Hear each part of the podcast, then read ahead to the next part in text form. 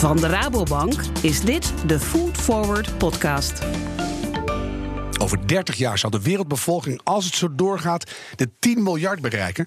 We hebben alle kennis en kunde nodig om ons hierop voor te bereiden. Maar een gesprek over de toekomst van de voedselvoorziening in zo'n steeds dichter bevolkte wereld is er helaas vaak een van grote tegenstellingen. Gaan techniek en innovatie bepalen hoe we voor al die mensen gaan zorgen? Volgens de tovenaars wel. Of kan de natuur dit veel beter zonder onze inmenging? Dat denken de profeten. Efficiënte massaproductie versus kleinschalige productie en besparing. Ongelooflijke innovaties versus stevige geloofsovertuigingen. Dag, ik ben Harm Enes. In deze podcastserie van Rabobank probeer ik de tovenaars en de profeten dichter bij elkaar te brengen. Want het zou zomaar eens kunnen dat we ze allebei even hard nodig hebben. De tovenaar vandaag is freelance journalist en documentairemaker Hidde Boersma. Ik ben een heel erg overtuigd tovenaar. Maar ik ben ook heel erg van overtuigd dat we samen moeten werken, want anders gebeurt er niks. Het gaat erom, jongens, wat is dit 2050 de ideale wereld? Niet wat zijn de, wat zijn de feiten, want die, die hebben we allebei wel. Maar wat is de ideale wereld waarin wilt leven? En dat is, maakt de discussie heel moeilijk. De profeet vandaag is Joris Lohman van de Food Hub, waar ze bezig zijn met nieuwe manieren van voedseleducatie. Profeten ageren eigenlijk tegen technologische fixes voor alle problemen. Wat vaak technologisch is veroorzaakt, moet weer met een nieuwe technologie worden opgelost. En daar eh, kunnen we het maar eigenlijk niet over eens worden. Heren, wat fijn dat jullie er zijn en al gebroedelijk naast elkaar. Dat uh, is al een stap in de goede richting. Jullie staan precies tegenover elkaar in de discussie over het voedsel van de toekomst. Maar vaak naast elkaar op een podium. Werkt dat een beetje, Joris? Dat werkt uh, inmiddels wel goed. We werden een keer uitgenodigd bij een um, uh, groot congres dat georganiseerd wordt door een uh, voedselleverancier. Um, en daar werden we tegenover elkaar gezet als twee tegenpolen. Moeten we technologische oplossingen voor de toekomst verzinnen of moet het kleinschaliger en moeten we meer krimp? en we kwamen er eigenlijk achter rondom die sessie dat, um, nou, dat we beide de waarheid niet in pacht hebben. Dat Hidde op zich ook, ondanks dat ik alles wat hij zegt op Twitter ontzettend vervelend vind, in het echt best een aardige vent uh, was. Is. is altijd de ellende, hè? Dan heb je ontzettend hekel aan iemand, blijkt die best leuk te zijn. Dat karakter ja. daarmee samengaat. ja. Dat bleek wel de aanleiding om, uh -huh. om te kijken van, nou ja, uh, volgens mij hebben we, is, is er niet één verhaal en moeten we zien of we uit die twee verhalen die vaak in de media en de politiek met name zo sterk tegenover elkaar worden gezet, moeten we kijken of we daar niet gezamenlijk een nieuw en, en, en completer verhaal uit kunnen destilleren. En hopelijk ook punten waarop jullie elkaar echt versterken. Dat lijkt mij nog het beste. Ja, maar ik moet wel zeggen, na uh, ja, een tijd hiermee bezig te zijn, uh, hier een artikel geschreven over te hebben in de Volkskrant en veel, uh, eigenlijk we zijn met een soort van live onderzoek bezig, dat we erachter komen dat er wel een aantal elementen zijn die, ja, waar, waar, waar, die de basisingrediënten kunnen vormen van dat nieuwe verhaal. Mm -hmm. Maar er zijn ook wel echt heel veel heikele thema's waar het heel erg moeilijk is om over je eigen schaduw heen te stappen en, en, en, en ja, een gezamenlijkheid te vinden. Gaan we vandaag een beetje ons best voor doen en de komende vier podcasts, alle hoofdthema's komen langs en misschien ontstaan er een, een, iets duidelijker wereldbeeld voor 2050 misschien. Um, heren, wat is als jullie op dat podium staan de verbinding, los van de inhoud? Um, nou ja, behalve dus dat we het wel goed met elkaar kunnen vinden en ook nog eens buren zijn en, en uh, een beetje van dezelfde leeftijd, dezelfde achtergrond. Letterlijk buren in dezelfde straat? Wij wonen, nou ja, het is, uh, het is twee minuten lopen, denk ik. Ja. Oh, ja, dat, dat is heel bij elkaar, inderdaad. ja. uh, uh, maar het belangrijkste is dat we wel allebei... We zitten al tien jaar in het veld van het, de zoektocht naar, naar een beter voedselsysteem. En mm -hmm. we zijn het er wel echt over eens, jongens, er moet wat veranderen. En daar kunnen we elkaar gewoon heel erg in vinden. Van, het huidige systeem is niet duurzaam genoeg. We willen ergens anders naartoe. We willen wel ook 10 miljard mensen voeden op een duurzame manier. Dat willen we. En we willen als, het laatste wat we willen is de status quo die, die wint.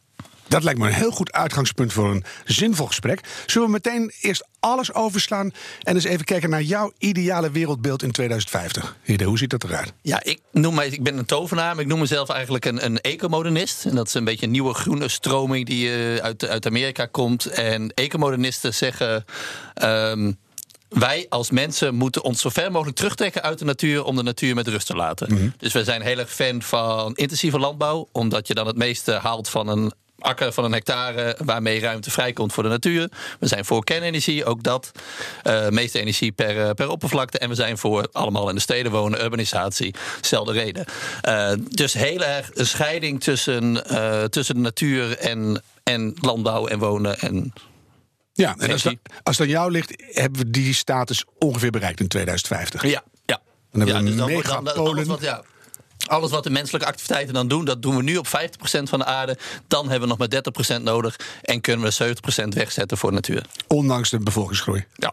Nou, dat is een helder beeld. Joris, wat stel jij daar tegenover in 2050? Het droombeeld van de, wat we de profeten noemen, ehm, is eigenlijk ehm, een, een, een wereld en een voedselsysteem dat meer in balans is met de natuur. En eigenlijk wat we denken dat ehm, moet veranderen, is dat op dit moment de mens zichzelf boven de natuur stelt. Dus met technologie en invloed, zeg maar, de, de, de, de natuur manipuleert eh, zoals eh, wij dat, eh, ons dat goed uitkomt. Wat we eigenlijk willen is dat we snappen dat we onderdeel zijn van het ecosysteem. Dat we begrijpen dat er grenzen zijn aan de draagkracht van de aarde. En dat we daarbinnen ons moeten bewegen. En eigenlijk natuur leidend laten zijn voor al die activiteiten. Dus als je naar landbouw kijkt, dan zou het gaan over agro-ecologische landbouw, biologische landbouw, die de principes van natuur volgt en die probeert te, niet probeert te manipuleren. Um, en het gaat ook breder, eigenlijk een soort van verweving van de functies tussen leven en, uh, en natuur. Uh, uh, minder verspillen op allerlei verschillende manieren, minder vleesconsumptie. en ik denk dat profeten ook een um, ja, voedsel en, en, en de verbinding tussen natuur als een meer belangrijke waarde voor hun leven vinden. Dus dat ze zich in steden misschien een beetje vervreemd vormen. Ja, dat voelen. krijg je dan. Hè? dan ja. in, in, altijd beton en met hier en daar natuurlijk een leuk uh, sedumdakje. Maar dan ben je toch ver weg van de balans die vroeger misschien ooit bedoeld was. Gaan we het vast nog heel lang over hebben. Ja. Ik hoorde laatst filosoof-ecoloog Matthijs Schouten zeggen... Mm -hmm. dan gaan we CO2 opslaan in bomen en dan gaan we naar die bossen toe... en dan, dan kijken we hoe dat opgenomen wordt en dan kappen we de bossen... en dan doen we dingen met die bossen. En toen liet hij een hele betekenisvolle pauze vallen en toen zei hij... Maar hebben wij de bossen alles gevraagd? En daar moest ik zo over nadenken. Van ja, ja, we hebben de hele wereld ontzield. En nu kunnen we ermee doen al naar ons goed dunkt. Ja. En dat is een beetje waar jullie je tegen verzetten. Ja, wij denken dat die industrialisatie en die, en die, die invloed die wij proberen uit te oefenen op de, op de wereld om ons heen, dat we daarin doorgeschoten zijn. Dat we sommige dingen ook niet kunnen uh, uh, overheersen. Dus dat eigenlijk ons, ons verstand te boven gaat en dat die, nou, de, de ecologie en de natuur dat veel beter weten dan wij kunnen verzinnen. Dat we daar wat nederiger ons eigenlijk moeten opstellen. Ja, sowieso een mooi begrip in deze tijd, toch? Nederigheid, Hidde? Ja, nee, uh, ik, ik haal altijd graag Stuart Brand aan. 85-jarige held maar die altijd zegt: jongens, wij zijn, wij zijn de goden van de planeet. We kunnen er bij beter goed in worden. Oh ja, daar ga ik ook dat, even over nadenken. Dat is ook een mooie, ja. Wie heeft dat ooit bedacht, die Wizards versus de Prophets? Uh, het is een uh, verhaal wat uh, uit de koker komt van Charles Mann. En dat is een Amerikaanse wetenschapsjournalist die 2017 een boek schreef, The Wizards and the Prophet. Mm -hmm. en wat hij gedaan heeft, hij was eigenlijk ook, hij kreeg een dochter en zei: Jongens, ik wil op zoek gaan naar hoe de wereld er in 2050 uitziet. Wat voor wereld groeit zij op? Ging met nou ja, honderden, echt honderden we wetenschappers over de hele wereld praten over de toekomst van het voedsel. En hij kwam tot de conclusie dat ze beide eigenlijk in twee categorieën vielen. De mensen die zeggen, jongens, we moeten cut back, cut back. We moeten vooral minder in harmonie met de natuur leven. Dat waren de volgers van uh, Voigt, mm -hmm. een, uh, een, uh, een milieuactivistische pionier. En aan de andere kant had je de mensen, nee jongens, de techniek die gaat, gaat ons redden. Dat waren volgens van Norman Borlaug, de bekende plantenveredelaar. En daar ga ik erin springen. Want dat denk ik nou altijd bij jullie. Van, dan gaat de techniek ons weer lekker redden. Lekker makkelijk, hoeven wij niks te veranderen. Maar ja, dan denk ik bij die profits weer. Dat, dat schiet gewoon niet op. Het, het, gaat te langzaam. Dus van jullie alle twee graag een reactie. Gaat de techniek ons redden en is het zo makkelijk, Hidde? Nou ja, kijk. Het gekke is dat, dat inderdaad vaak tegen ons wordt tegen ons als, als tovenaars wordt gezegd: jongens, die techniek, uh, hoezo, dan ga je achteruit leunen. Maar het gekke is dat ik het idee heb dat tovenaars zeggen: we moeten juist inzetten op alle technieken die er mogelijk zijn. Dus wind, zon, gentech, afvangen, alles wat er mogelijk is. Uh, en ik vind ook dus heel erg belangrijk dat de overheid gaat sturen op de ontwikkeling van duurzame technieken. Dus het laatste dat wij doen is achteroverhangen. Nee, we zijn juist heel erg actief, niet dogmatisch op zoek naar welke mogelijkheden zijn er om de milieuproblematiek aan te pakken. En die reik je aan aan ons uh, eenvoudige consument in de straat. Ja. En die kan wel lekker achteroverleunen, want die, die merkt wel waar het heen dobbert. En dat gaan nou we dan ja, wel kijk, doen. Ik, ik, ik, pleit ook al wel bijvoorbeeld voor een vleestaks. Dus ik ben ook zeker niet tegen het, het sturen van, uh, van, uh, van consumptie. ook omdat vlees bijvoorbeeld een heel erg ineffectieve manier van calorieën binnenkrijgen is. Hey, hey, Joris, dus maar dat Joris. is maar beperkt. het dat is een van de dingen. We hebben de eerste barst ja, te pakken. Dat is een van de dingen ja. waar, ik, waar we het eens over kunnen worden. Heel goed. Maar nou, dat, dat trage tempo. Mensen willen niet veranderen. En ik, ik blijf van mijn gehaktbal af.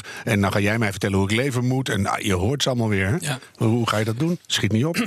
Nou wat, wat wel belangrijk is om te zeggen is dat uh, um, profeten niet per se tegen technologie zijn. Dat wordt vaak gezegd. Er zijn misschien wel mensen die echt helemaal terug naar vroeger worden. Maar dat is bijna een beetje een karikatuur van. Ja, ja. Hè, dus technologie is zal, eh, en dat zal blijven. Dat zal ook zeker een, vorm van eh, onderdeel van de toekomst zijn. Dat, is, dat, dat laat heel, is een heel belangrijk onderdeel van onze toekomst.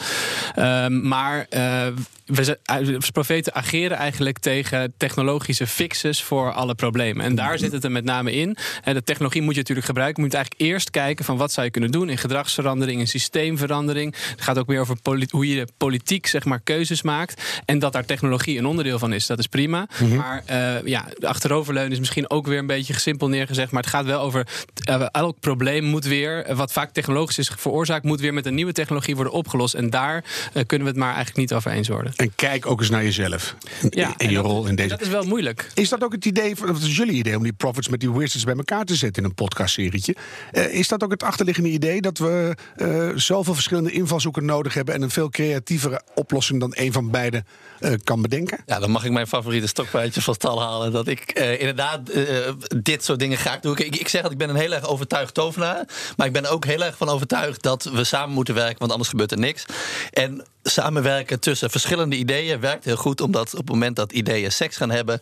eh, de mooiste nieuwe ideeën komen. Dat is iets waar de mensheid Oh. ook heel goed in is geworden. die Ligt, ideeën, hè? ligt eraan of de, of de ideeën een vrouwelijk karakter hebben of een mannelijk Ja, karakter. vrouwelijke en mannelijke. Dus uit, vaak eh, tegenovergestelde ideeën die Mannelijke samenkomen. ideeën vallen na de seks in slaap.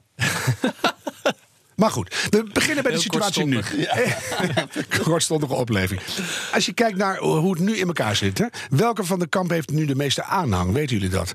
En, en praten jullie al voldoende met elkaar? Eh, wat ik interessant vind is dat het eh, in de mainstream media, om zo te zeggen, eh, lijkt het alsof het profetische verhaal, dat heeft Charles Mann ook een keer toen tegen ons gezegd, alsof dat het meest dominant is. Hè, van de zorg om de aarde en een beetje de doemdenken is ook best wel eh, ja, veel aanwezig. En ik denk dat als je kijkt naar de Nederlandse situatie, naar de toekomst van landbouw, denken veel mensen van duurzame landbouw is eerder biologisch of kleinschalig. Dat is toch beelden die er spelen. Dat het niet per se hetzelfde is. Dat is precies. Maar Ja. goed, er is dus ook een deels framing in. Maar dus, dus dat, ik denk dat de profeten wel zeg maar, in de media en in de, in de aandacht, in de populaire cultuur, zeg maar, dat die eh, ja, eh, een beetje aan het winnen zijn. Dat zegt Charles Mann ook. Eh, maar als je kijkt naar hoe systemen en instituties zijn opgezet, dan is het toch, ja, toch wel de technologen. Dat kan je zeker ook in Nederland zien. Je wordt helemaal doodgeknuppeld met de start-ups en de scale-ups en de incubators dat, en noem maar op. Man, er zijn dat is helemaal suf aan het innoveren. ja, de machtigste spelers in het landbouwsysteem, dat zijn toch vaker die, agrochemische bedrijven voor een groot deel, die ja, er het meest bij gebaat zijn om met technologische oplossingen te komen. We gaan eh, met jullie de theoretische kaders een beetje verkennen vandaag. En ook wel hoe jullie daarin zitten. Met de komende vier podcasts gaan we de grote thema's, de vier grootste, bij langs.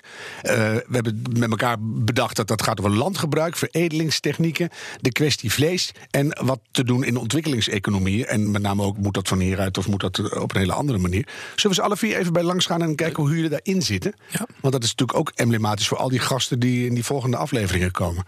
Eerst even landgebruik. Dan denk ik, we hebben in Nederland te weinig eh, grond voor alles wat we willen. Dus hoe gaan we die grond gebruiken? Begin maar even bij Heren. Nou, dat klinkt wel eh, heel mooi tovenaarachtig. iedereen inderdaad, naar want Dat is het grote, dat is het grote eh, punt. Inderdaad, we hebben heel weinig land. Land is een van de schaarste goederen op, op de hele wereld. Dus tovenaars zeggen, nee jongens, wij moeten al het, de, de, de voedselproductie... wat verreweg de meeste ruimte innemen... moeten wij op zo weinig mogelijk ruimte doen... om eh, ruimte te sparen voor de natuur. En dat willen wij hier graag in Nederland ook. Dus we willen graag een soort agrarische hoofdstructuur. En, en hele grote gebieden, zelfs in Nederland... bijvoorbeeld de ween- veenweides uiteindelijk weer teruggeven aan de natuur. En wij geloven minder in dat natuur inclusieve landbouw... omdat het vaak wel een mooi landschap oplevert... maar de biodiversiteit niet genoeg helpt volgens ons. Ja, nou, wat zeg je er tegenover, Joris? Nou, ik denk dat dit een van de grote dingen is waarbij als je kijkt naar dus het verweven van functies, eh, dat uh, natuurinclusieve landbouw of uh, landbouw dat de principes van de natuur uh, volgt, dat gaat er eigenlijk over dat je ja, intensivering, dat is slecht voor in ieder geval de lokale natuurgebieden. Dus we zijn eigenlijk eerder van extensivering en ja, natuurinclusieve biologische landbouw, waartegen profeten dan weer ingeven dat kost meer landgebruik. Dus dit is echt, ja, er wordt heel hard ingezet door een groot aantal mensen op die natuurinclusieve landbouw. En tegelijkertijd staat dat haaks op eh, het beeld wat, eh, wat de tovenaars ervoor brengen. En die is- productie die we willen en al die monden Ja. die open gaan om eh, en daar is ook wel een beetje het punt van. Er zijn natuurlijk, je kan kijken van ja, je kan op sommige plekken intensief en op andere. dus Er zijn wel wat nuances mogelijk. Alleen dat is wel ons punt. Als je kijkt naar bijvoorbeeld het Europees landbouwbeleid, is echt ingericht op zoveel mogelijk productie. Als je echt die grootschalige verandering wil, dan kan je niet een beetje van beide doen. Dan moet je een aantal harde keuzes maken. En daarom kom je toch heel vaak tegen elkaar te staan. Ja, maar voel je dan in, in dat contrast ook niet meteen een soort oplossing smeulen? Dat je denkt, eh, op land doen we alleen nog maar eh, landvriendelijke landbouw. En alle productie die we dan missen, die rammen we in Lelystad in zo'n slaaflet. Want waarom moet sla nou weer in de, in de frisse grond staan? Weet ik niet. Dus eh, voel je niet al meteen een soort compromis opduiken, heren? En Maar dan, wat voor type landbouw doe je dan op dat land? Nou, dat land, dat doe je gewoon hele smaakvolle wortels, weet ik veel. Ik bedoel, gewoon dingen die dan echt leuk zijn op het land. En ook er mooi uitzien voor dat land. Ko- koren maakt me gek. En dan, weet je, de mooie, mooie dingen. En wat we niet kwijt kunnen, dat, eh, dat, dat rammen we in een flatgebouw. Het, zou, eh, het klinkt mij wel als een prima begin van een oplossing, inderdaad. Ja. Nou, we dan- ja, dan- ja, ja. Ja, Het is maar wel je- weer lastig om aardappels te telen op. eh, Ja, dat gaat niet in- lukken. Dan Nee, dat doen we aardappels wel. Oh, aardappels Ja, die, die wel. gaan er gewoon in het land. Vind ik ook leuk. Die, eh, en dan niet zo intensief. bloemetjes, hè? Ja, maar die, ik vind het mooi nu in Friesland. Ik was er net deze week. En dan heb je die enorme voren in die klei. Ja. Ja, we gaan het ooit in deze podcastserie ook hebben over hoe we gaan verbouwen. En met name ook wat. En dan kom je al snel bij wel of niet genmodificatie. En dan is echt de vraag, wat is wijsheid, Hidden? Ja, kijk, voor mij is het. Is, ik, ik ben zelf moleculair bioloog van achtergrond en heb er ook veel mee gewerkt in het lab. En voor mij is eh, genetische modificatie eigenlijk een biologische manier voor iets wat we eerder chemisch doen. Dus eh, eh, voorheen gebruikten we natuurlijk veel bestrijdingsmiddelen. Als wij planten zo kunnen aanpassen dat dat niet meer nodig is, op welke manier dan ook.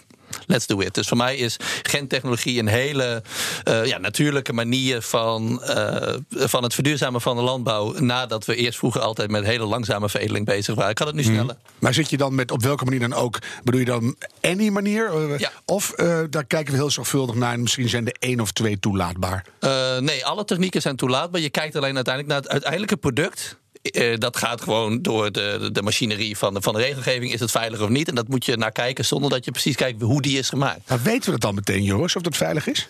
Nou ja, dat is het grote probleem. En ik denk, het gaat over veredeling. Wil me ook wel eens iets breder maken. Dat dit dus gaat over dat manipuleren van hè, de natuur, het ecosysteem. Waar we dus denken. Weidemens. Ja, en, en we kunnen dat, dat moet allemaal in een laboratorium zetten. En wordt heel erg, eh, allerlei dingen sluit je daarin af. Dus je weet niet wat het effect gaat zijn als je dat vrijlaat in de wereld. Dat is het grootste probleem daarin. Ik denk dat er, ehm, eh, en het is ook een van de dingen waarbij, eh, dat die ook het meest eh, weerstand opleveren in de media. Eh, we hadden toen ter tijd een eh, artikel in de Volkskrant, daar zeiden we iets over, waar ik ook wel de beweging wil maken. Want ik vind ook, hè, om het een klein beetje richting te geven, dat profeten wat minder romantisch misschien naar natuur moeten kijken. Dus dat dit hè, wel een oplossingsrichting zou kunnen zijn. Daar zeiden we iets over. En dat werd gelijk op de voorpagina opgeblazen als. Dus dit blijft heel erg een heikel punt, met name ook in Europa. De voor- en tegenstanders van genetische modificatie. En, en die staan echt met de koppen tegen elkaar. Ja, maar hebben ze een punt, heren? Want als die eh, in jullie termen die genetisch gemodificeerde dopert seks gaat hebben met een eh, ouderwetse tuinboon die net niet helemaal in goede doen is, weet jij veel wat eruit komt? Ja, maar kijk, voor mij als moleculair bioloog, eh, ja, ik moet eerlijk zeggen, ik accept- accepteer da- daarin toch de, de, wetenschappelijke consensus die zegt, er zit geen intrinsiek verschil in eh, planten die uit veredeling komen of planten die uit gentech komen. Dus dat er iets onverwachts kan gebeuren, zeker weten. Maar dat kon altijd al. En veredeling is wat we een beetje al Ja, kruisend. kruisen, wat en, en een beetje 10.000 eh, jaar een koe die veel melk geeft, dan nemen we die. En dat komen echt de gekste dingen uit. Als je, en, oh, en, en dat gaat dus ook al 10.000 jaar natuurlijk gewoon goed. Eh, je, moet het dus wel, Nou, je moet het wel controleren. niet goed, want daarom hebben we deze discussie nu. Maar, goed, ja, nee, maar we gaan er niet dood van. Ja, nee, we gaan er niet dood. op. Nog. En de, wat, wat mij betreft moet je dus inderdaad gewoon kijken naar het eindproduct. En de, ik bedoel, het kan zijn dat er iets ontstaat wat niet gezond is. Ehm, maar dat wordt er dus al uitgepakt in die regulerende... In die ontwikkelfase. En ja, en, Ja. Dat, dat, en dat gebeurt bij veredelingen ook regelmatig. Hoor. Dat er een product eh, wordt gepoogd op de markt te krijgen. Nee jongens, hier zijn we aardappelen bekend met een te hoog gifgehalte. Solanine erin. Nou, die halen we eruit. Die Vind ik jammer, want dan doe je meteen ook wat aan de overbevolking. Maar we hebben ook heel veel dat zeewier met arsenicum. Wist je die al? Kan je ook niks mee. Maar het is toch niet een zeewierburger met arsenicum. Ik zie hier nog niet meteen een oplossing. Dus maar goed dat we een hele podcastserie hebben. Dan gaan we naar vlees. Ook zo'n ding. Eh, Gaat het alleen maar over meer of minder vlees, jongens? Uh, vlees staat als een symbool, staat symbool voor. Ja. Voor um, uh, de ja, groot deel van de duurzaamheidsproblematiek. En ik denk dat het hier gaat over vlees, maar met name over consumptie. Uh, dat we eigenlijk denken dat we door middel van onze consumptie aan te passen, dat we dan tot een meer duurzamer eetpatroon zouden kunnen komen.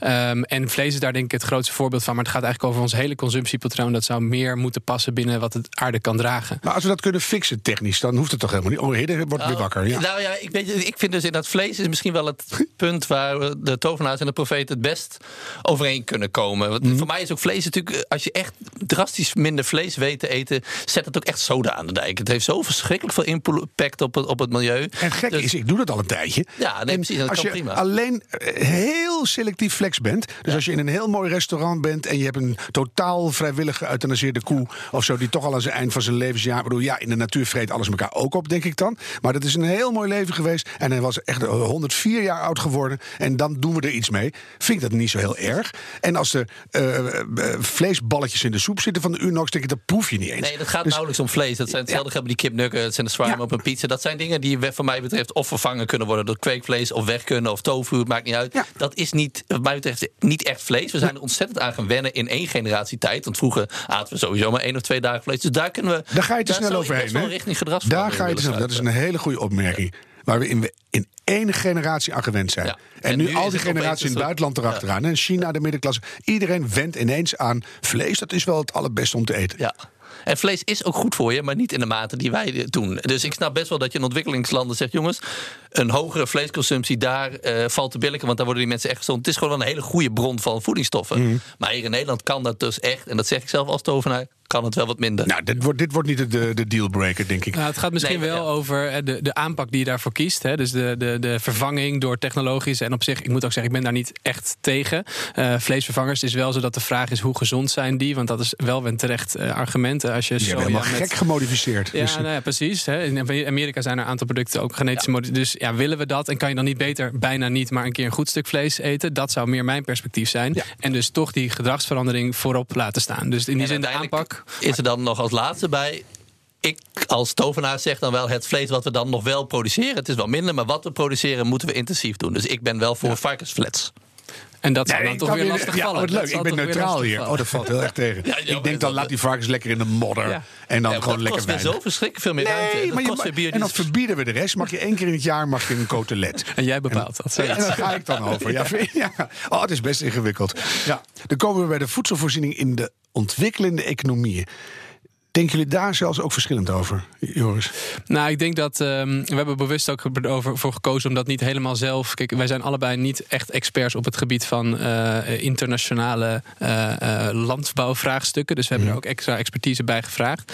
Maar ik denk wel dat als je kijkt naar wat er nu in inderdaad zich ontwikkelende landbouweconomieën plaatsvindt, is dat er nu echt heel hard die, die strijd tussen tovenaars en profeten dagelijks wordt uitgevochten. Iets waar we in Nederland zouden kunnen zeggen, daar hebben we natuurlijk al een bepaalde afslag genomen, waarbij de, de, de tovenaars in ieder geval in de instituties en met de industrialisatie van de landbouw toch eh, ja, dominanter zijn. Eh, is dat in, eh, is, is, wordt die strijd gewoon nu gevoerd tussen nou, de, de nog steeds vrij kleinschalige landbouw in veel landen en de oplossing gaan we dat. En er zijn heel veel partijen, met name NGO's en natuurorganisaties, zeggen we moeten eigenlijk overslaan wat hier is gebeurd en gelijk beginnen met agro-ecologie en, en bodemvruchtbaarheid en die Doen we ook, kleinschaligheid hè? behou- behouden. Met Raindance zijn we begonnen. We gaan een heleboel vergroenen. Maar meteen samen met de lokale Ja, boeren. met de lokale Eh, bevolking. Hè? Rabobank doet dat soort dingen samen met lokale Ja. boeren. Eh Wereld Natuurfonds doet dat allemaal. We kunnen dat niet meer loszien. Plus dan kan je eh, die, die hele rare ruilverkavelingsfase, laat ik het zo maar Ja. even, die Sikkel Mansheld eh, loop, die kunnen we overslaan. En tegelijkertijd staat daar dus tegenover de, nou, misschien dus onder, onder invloed van de Chinezen, maar in ieder geval ook grote bedrijven die daar komen en die eigenlijk eh, grootschalig eh, land opkopen, vaak ook, en daar een eh, moderne technologische industriële landbouw willen neerzetten. En ja, dat is gewoon een, een strijd die dagelijks gevoerd wordt. Ja. En dat is voor ons eh, symboliseert dat die strijd tussen profeten en. eh, en eh, Ja, daar heb je wel een punt. Ja. Nou, kijk, en het, voor, voor, voor, tovenaar die kijken er toch wat anders naar. Die zeggen, ja, die agro-ecologie die houdt heel veel mensen op het platteland. Uh, in Afrika wonen, in Sub-Sahara-Afrika wonen nu nog steeds in veel landen 60% van de mensen die is afhankelijk van de landbouw.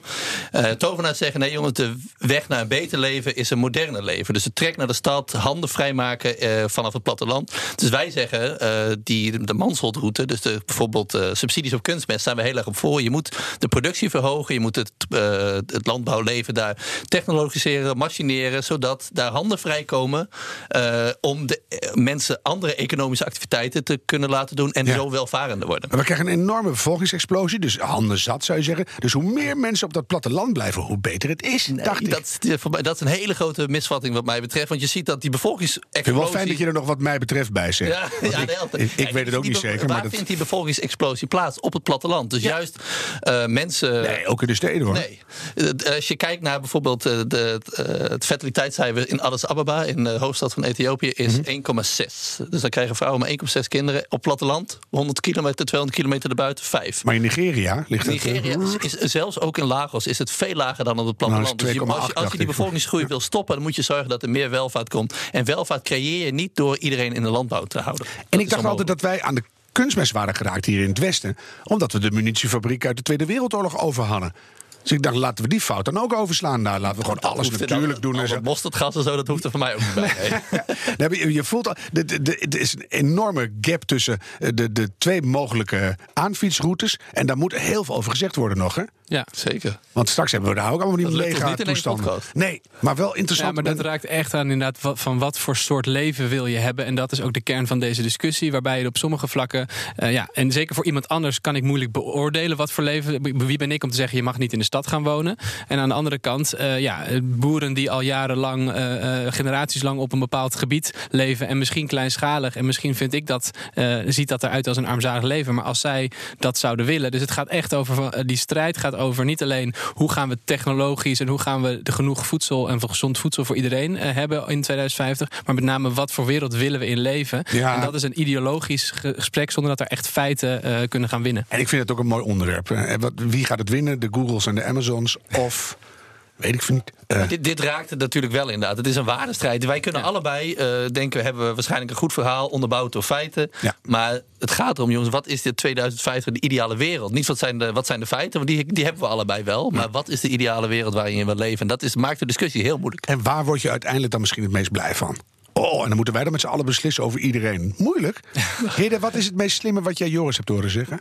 Ja, Joris staat wel bekend om het feit dat hij een, dan wel degelijk een profeet is, maar wel ook altijd heel goed in staat is om die denkbeelden van die anderen mee te nemen en ook begrip te hebben voor die, voor die verhalen. Dus hij is nooit een zwart-wit denker. Daar komt hij goed mee weg. Hij beschrijft iets leuks aan je karakter, niet iets wat je ja, gezegd hebt. Wat was het, wat, heb jij hem nog iets goed horen zeggen, nee. Joris? Nou, ik moet wel zeggen dat ik eh, niet alleen door Hidden, maar door met gaan verdiepen in de andere kant van het verhaal. Um, en dat ben ik, ik ben daar zelfs ook vaak wat makkelijker in dan Hidden, want Hidden zit toch iets vaster in geroest in zijn denkbeelden.